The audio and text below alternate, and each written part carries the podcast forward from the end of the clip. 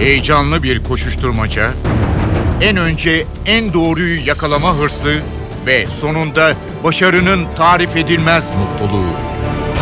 Manşetlerin perde arkası, habercilerin bilinmeyen öyküleri muhabirden de.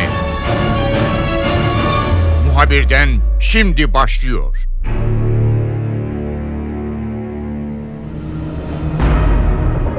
Soçi'de İran, Türkiye ve Suriye'nin katılımıyla yapılan zirve Suriye açısından son dönemlerde yapılan en önemli toplantılardan birisi ve bu toplantının yankıları devam ediyor. Önümüzdeki dönemde de bir takım adımlar atıldığı zaman bu zirvenin ne ifade ettiği, Suriye'nin geleceğinin bir anlamda nasıl şekillendirildiğini öğrenmiş olacağız. Soçi zirvesi sonrasında Suriye'de neler yaşanabilir? Özellikle bu bölgedeki Kürt grupların Amerika Birleşik Devletleri tarafından silahlandırılması ve Türkiye'nin itirazları nasıl sonuçlanabilir? Yeni gerilimler ortaya çıkabilir mi? Tüm bu konuları Hürriyet Gazetesi Ankara temsilci yardımcısı Uğur Ergan'la konuşacağız. Muhabirden başlıyor. Ben Kemal Yurteri.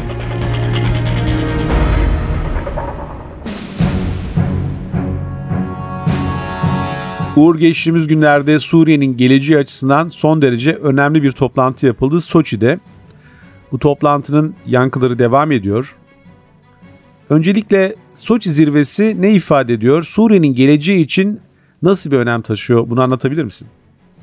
Elbette. E, yani Soçi'de hedeflenen e, Suriye'de çok uzun yıllardan beri e, devam eden iç savaşı sona erdirmek, e, ülkenin yeniden yapılanmasını sağlamak ve ülkeyi oluşturan değişik e, etnik grupları e, bir araya getirerek Suriye'nin toprak e, bütününü e, sağlayan bir şekilde yeniden bir ülke haline gelmesini hedeflemek. Ana hedef buydu. Bu konuda da bildiğiniz gibi Suriye'de öncelikle hedef olan ateşkesi sağlayan 3 garantör ülke vardı. Rusya, Türkiye ve İran. Bu üç ülkenin liderleri bir araya geldiler ve Suriye'nin geleceğinin nasıl şekilleneceğine dair bir ulusal kongre toplanması görüş konusunda görüş birliğine vardılar e, ve bu görüş birliği doğrultusunda da bir takım çalışmaların devam ettiğini söyleyebiliriz.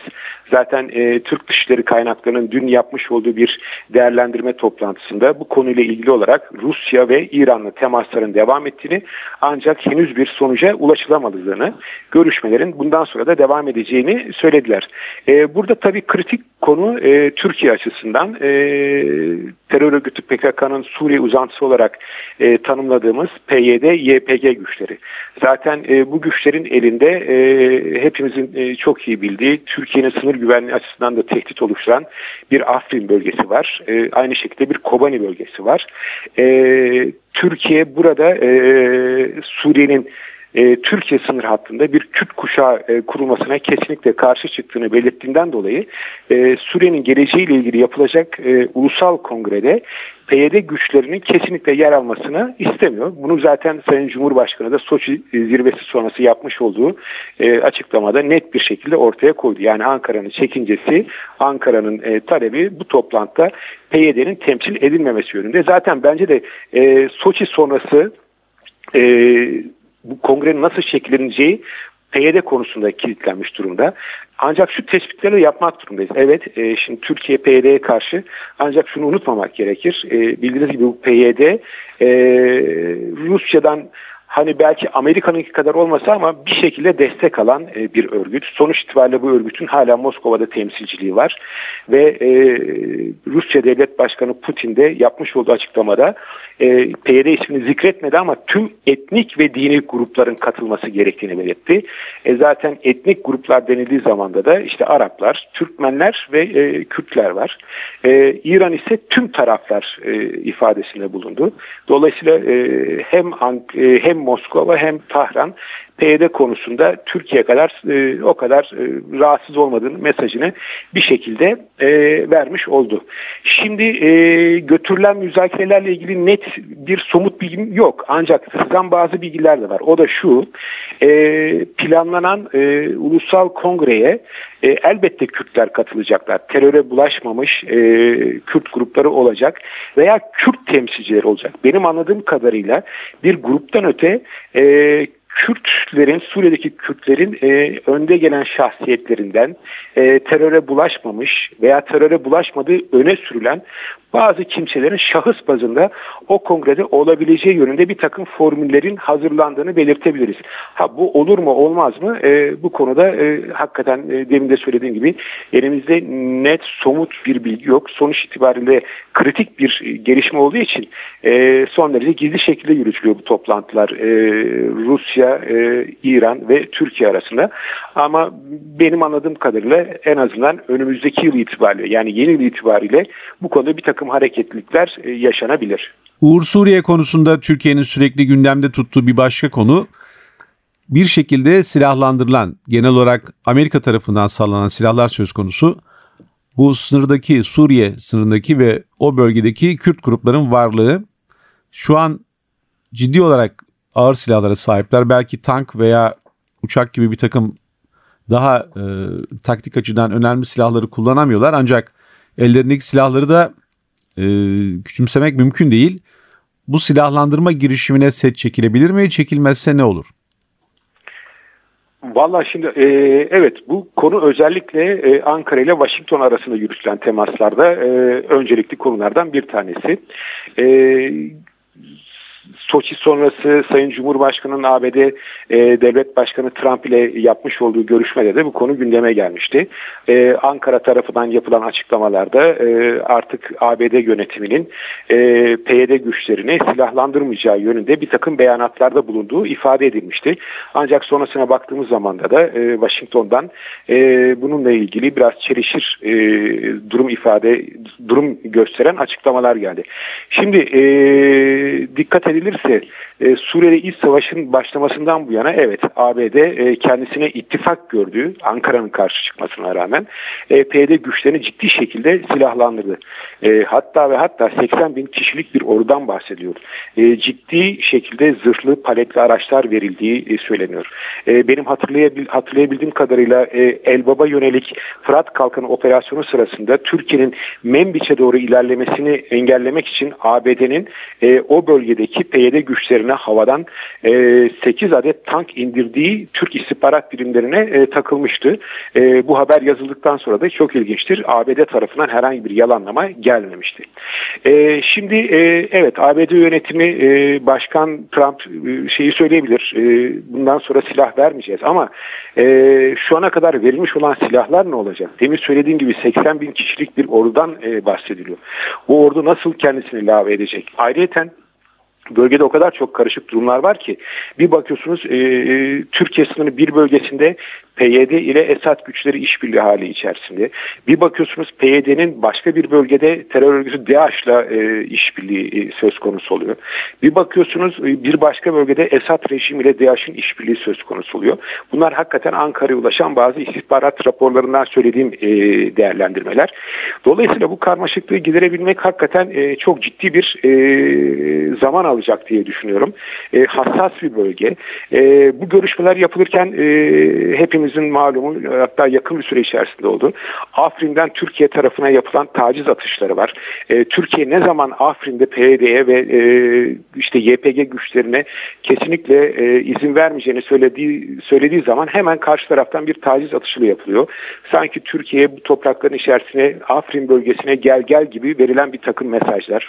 E, ancak e, evet e, Dışişleri Bakanı Sayın Çavuşoğlu Bakü'de yapmış olduğu toplantıda bir gece ansızın gelebiliriz dedi. Ama e, hakikaten bu işin aması var. Çünkü Afrin'de sadece e, PYD değil e, Rus e, Rusların bir koruması var PYD güçlerine karşı. E, zaten Amerika'nın korumasını e, biliyoruz. E, dolayısıyla e, başında söylemiştik Soçi zirvesi Türkiye, İran ve e, Rusya arasında ama Suriye'nin bundan sonraki geleceğinde bir diğer süper güç olan e, ABD'yi dışlamak bence e, mümkün değil. Hatta ve hatta Çin'i dışlamak mümkün değil. E, üçlü bir e, olgu var ama bu üçlü olgunun e, Washington ve Pekin yönetimiyle de bir şekilde işbirliği içerisinde olması e, duruma bakılırsa şart gibi gözüküyor. Uğur yapılan açıklamalara baktığımız zaman aslında e, tüm tarafların özellikle e, Türkiye, İran ve Rusya'nın bu Soçi zirvesi sonrasında daha çok siyasi vurguyu öne çıkaran açıklamalar yaptığını görüyoruz. Ancak bu siyasi gelecekte yani Suriye'nin siyasi geleceğinde Esed'den söz eden yok. Kimse onun varlığını istemiyor veya o onun varlığına vurgu yapan da yok gibi gözüküyor. Tabii önümüzdeki günlerde ne çıkacağını tam olarak bilmiyoruz. Türkiye'nin buradaki pozisyonu nedir? Son olarak e, aldığı e, siyasi duruşu e, anlatabilir misin? Şimdi bakın sizin söylediğiniz çok doğru. Ee, yani Soçi'de yapılan toplantının e, hedefi Suriye'de siyasi çözüme ulaşmak. Ee, e, hepimiz hatırlayacağız. Soçi'deki bu kritik zirve öncesinde e, Rusya Devlet Başkanı Putin e, kimi ağırladı? Suriye Devlet Başkanı Beşar Asad'ı ağırladı. Dolayısıyla o zirvede bana göre bu benim kendi değerlendirmem bir şekilde e, Esad'ın da e, gölgesi vardı. Şimdi e, yine dolayısıyla e, Suriye'de siyasi çözümün Esad'sız mümkün olmadığı sanırım e, yani zaten e, Moskova ve Tahran'ın tutumu bu yönde. Ama e, Ankara tarafından da e, hani anlamışılmış demeyelim ama e, böyle olacak. E, bunu kabul edilmiş e, vaziyette diyebiliriz. Bence doğrusu da bu. Yani şimdi bazı değerlendirmeler yapılıyor. İşte Türkiye çark etti, şöyle oldu, böyle oldu. Evet doğru. Ya geçmişte bazı yanlış e, değerlendirmeler olmuş olabilir. Ama bu yanlıştan vazgeçip doğruya, gerçekçi, real politikaya dönmenin e, ne kötü tarafı var? E, sonuçta ülke menfaati geçerli. Yani e, bana göre şimdi e, Türkiye-Suriye sınırında Türkiye-Suriye sınırında DH terör örgütü mü olsun, PYD terör örgütü mü olsun yoksa e, Suriye'de Şam merkezli ülkenin toprak bütünlüğünü e, koruyan, öne çıkaran bir anlayış mı olsun? E, yani PYD yok, DH yok ama işte tamam sevmediğimiz hakikaten e, gayri insani davranışlarda bulunan yüz binlerce insanın e, ölümünden sorumlu. Evet Esad e, ama yani ortadaki realite de bu. E, dolayısıyla ben esassız bir çözümün e, olacağını e, pek düşünmüyorum. Zaten taraflar da öyle e, düşünmüyor ki hatta bunun sinyalini Sayın Cumhurbaşkanı e, bir seyahati dönüşünde Soçi zirvesinde sanırım e, verdi. Evet siyasi çözüm hedeflendiğinden dolayı yine Esad'lı olacak. Nedir siyasi çözüm? E, işte tamamen ateşkes sağlandıktan sonra ülkede bir şekilde huzur kurulduktan sonra yeniden yapılanma çalışmaları başladıktan sonra e, bir seçim olacaktır. Bu seçimde elbette taraflar e, kendi adaylıklarını gösterecektir ki bu kapsamda ben Esad'ın da aday olacağını e, düşünenlerdenim. Diğer muhalif kesimlerden de elbette olacaktır.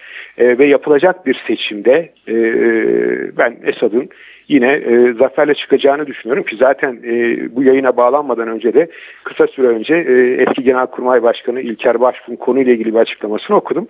E, doğru asker açıdan da doğru bir tespit yapıyor. Suriye'deki savaşın şu esnada kazananı e, Esad'dır. Ha Esad'a tabii bunu kim kazandırdı? Elbette e, Rusya'nın müdahalesi ciddi bir şekilde Esad'a güç kazandırdı. Yapılan değerlendirmeleri aktardın Uğur ama genel olarak baktığımız zaman özellikle Sayın Cumhurbaşkanı veya e, Türkiye'deki herhangi bir e, yetkilinin e, Esad'la masaya oturma konusunda herhangi bir şey söylemediğini veya böyle bir e, beyan olmadığını da belirtmekte fayda var. Anlaşıldığı kadarıyla önce Suriyeli diplomatlarla e, Soçi'deki zirveye katılan ülkelerin e, diplomatları bir araya gelecekler. E, ve dolayısıyla ben şu açıdan e, herhangi bir şekilde bu Esad'ın yaptıklarının Türkiye tarafından desteklendiğini veya e, aklandığını veya geçmişine bir sünger çekildiğini sanmıyorum açıkçası. Bir başka konu şu. E, Kürt gruplar e, burada e, bu terör örgütü DAEŞ'e karşı bir e, kazanım elde ettiler. E, yani bu müttefikler işte Amerika ve onlarla e, beraber hareket eden grupların e, böyle bir kazanım elde ettiğini söylediğini görüyoruz. E, bu durumda yani mevcut durumda Suriye tablosunda e, biraz daha her şeyin yer yerine oturduğunu e, bu terör örgütü DAEŞ'in e, artık orayı tamamen terk ettiğini ve biraz daha bölgeye düzen ve istikrar geleceğini söyleyebilir miyiz? Yoksa yeni bir takım sorunların e, yakında başlayabileceğini belirtebilir miyiz? Valla Önce şunu söylemek isterim. E, ben tabii ki e, şunu söylemek istemiyorum. Yani bir masanın e, etrafında işte bir tarafta Sayın Cumhurbaşkanı, diğer tarafta Putin, diğer tarafta e, Ruhani, diğer tarafta da Esad değil. Zaten e, bu Soç öncesine devam edilen bir Astana süreci var. Astana sürecinde de kimler var? Türkiye var, Rusya var, İran var, muhalifler var ve Esad rejiminin diplomatları var. Yani dolayısıyla zaten orada bir masaya oturulmuşluk var. Benim kastetmek istediğim bu. İkincisi e, DAEŞ terör örgütüne gelirsek e, yine benim şahsi kendi düşüncemdir. DAEŞ terör örgütü suni bir yapılanmayla bölgeyi kaotik bir duruma çevirmek için belirli bazı güçler tarafından e, çıkarılmış, büyütülmüş, desteklenmiş e, bir gruptu. Yani önce Irak'ta daha sonrasında işte Suriye'de e, Suriye ile Irak arasında hiç anlayamadığımız bir şekilde geçişin geçişlerin olduğu bir örgüt yapılanmasıydı. E, bunlar da yani durup dururken çıkmadılar. Bunlara kim destek verdi, kim silahlandırdı, kimin çıkarına geldi bunların orada büyük gelişmesi. E, onlara e, şöyle bir baktığımız zaman haritanın uzağına çekilip bir baktığınız zaman e, görürsünüz. E, Suriye toprakları içerisinde yer alan iki süper gücün e, çıkarlılığını değerlendirdiğiniz zaman e, daha bir net hale de gelebilir. E, güçler Suriye içerisinde bazı e, planlarını yerine getirdiklerinde ve kazananlarını elde ettikçe dikkat edin DAEŞ terör örgütü yavaş yavaş yavaş yavaş yavaş yavaş ortadan kalktı. Aynı şekilde e, Irak'ta da oldu. Zaten Ankara'nın da tezi bu. Şimdi ne diyordu Amerika Birleşik Devletleri? Ya kardeşim işte DAEŞ var biz DAEŞ terör örgütüne karşı mücadele ediyoruz. Bundan dolayı da e, Suriye toprakları içerisinde en büyük ittifakımız bizim PYD, YPG güçleri. Tamam, e, e, şimdi ortada DH diye bir şey kalmadı. Ankara diyor ki DH diye bir şey yok. Daha ne veriyorsun bu PYD'ye, YPG silahları? E, yani bunun bana gerekçesini anlat. E, o konuda bence çok samimi pek davranmıyor gibime geliyor e, Amerika Birleşik Devletleri ve hatta hatta bazı yerlerde Rusya bile. Dolayısıyla e, Suriye'de eğer siyasi bir çözüm için kararlılık verildiyse ha ortaya yeni bir takım terör örgütlerinin çıkarılacağını ben düşünmüyorum. Ha ama yok e, şurada şurada Suriye'deki siyasi çözüm hala bizim işimize gelmiyor denirse bugün DH biter yarın MH başlar. Başka bir şey çıkar karşımıza. E, bu Orta Doğu bölgesi e, hep oynak bir bölgedir.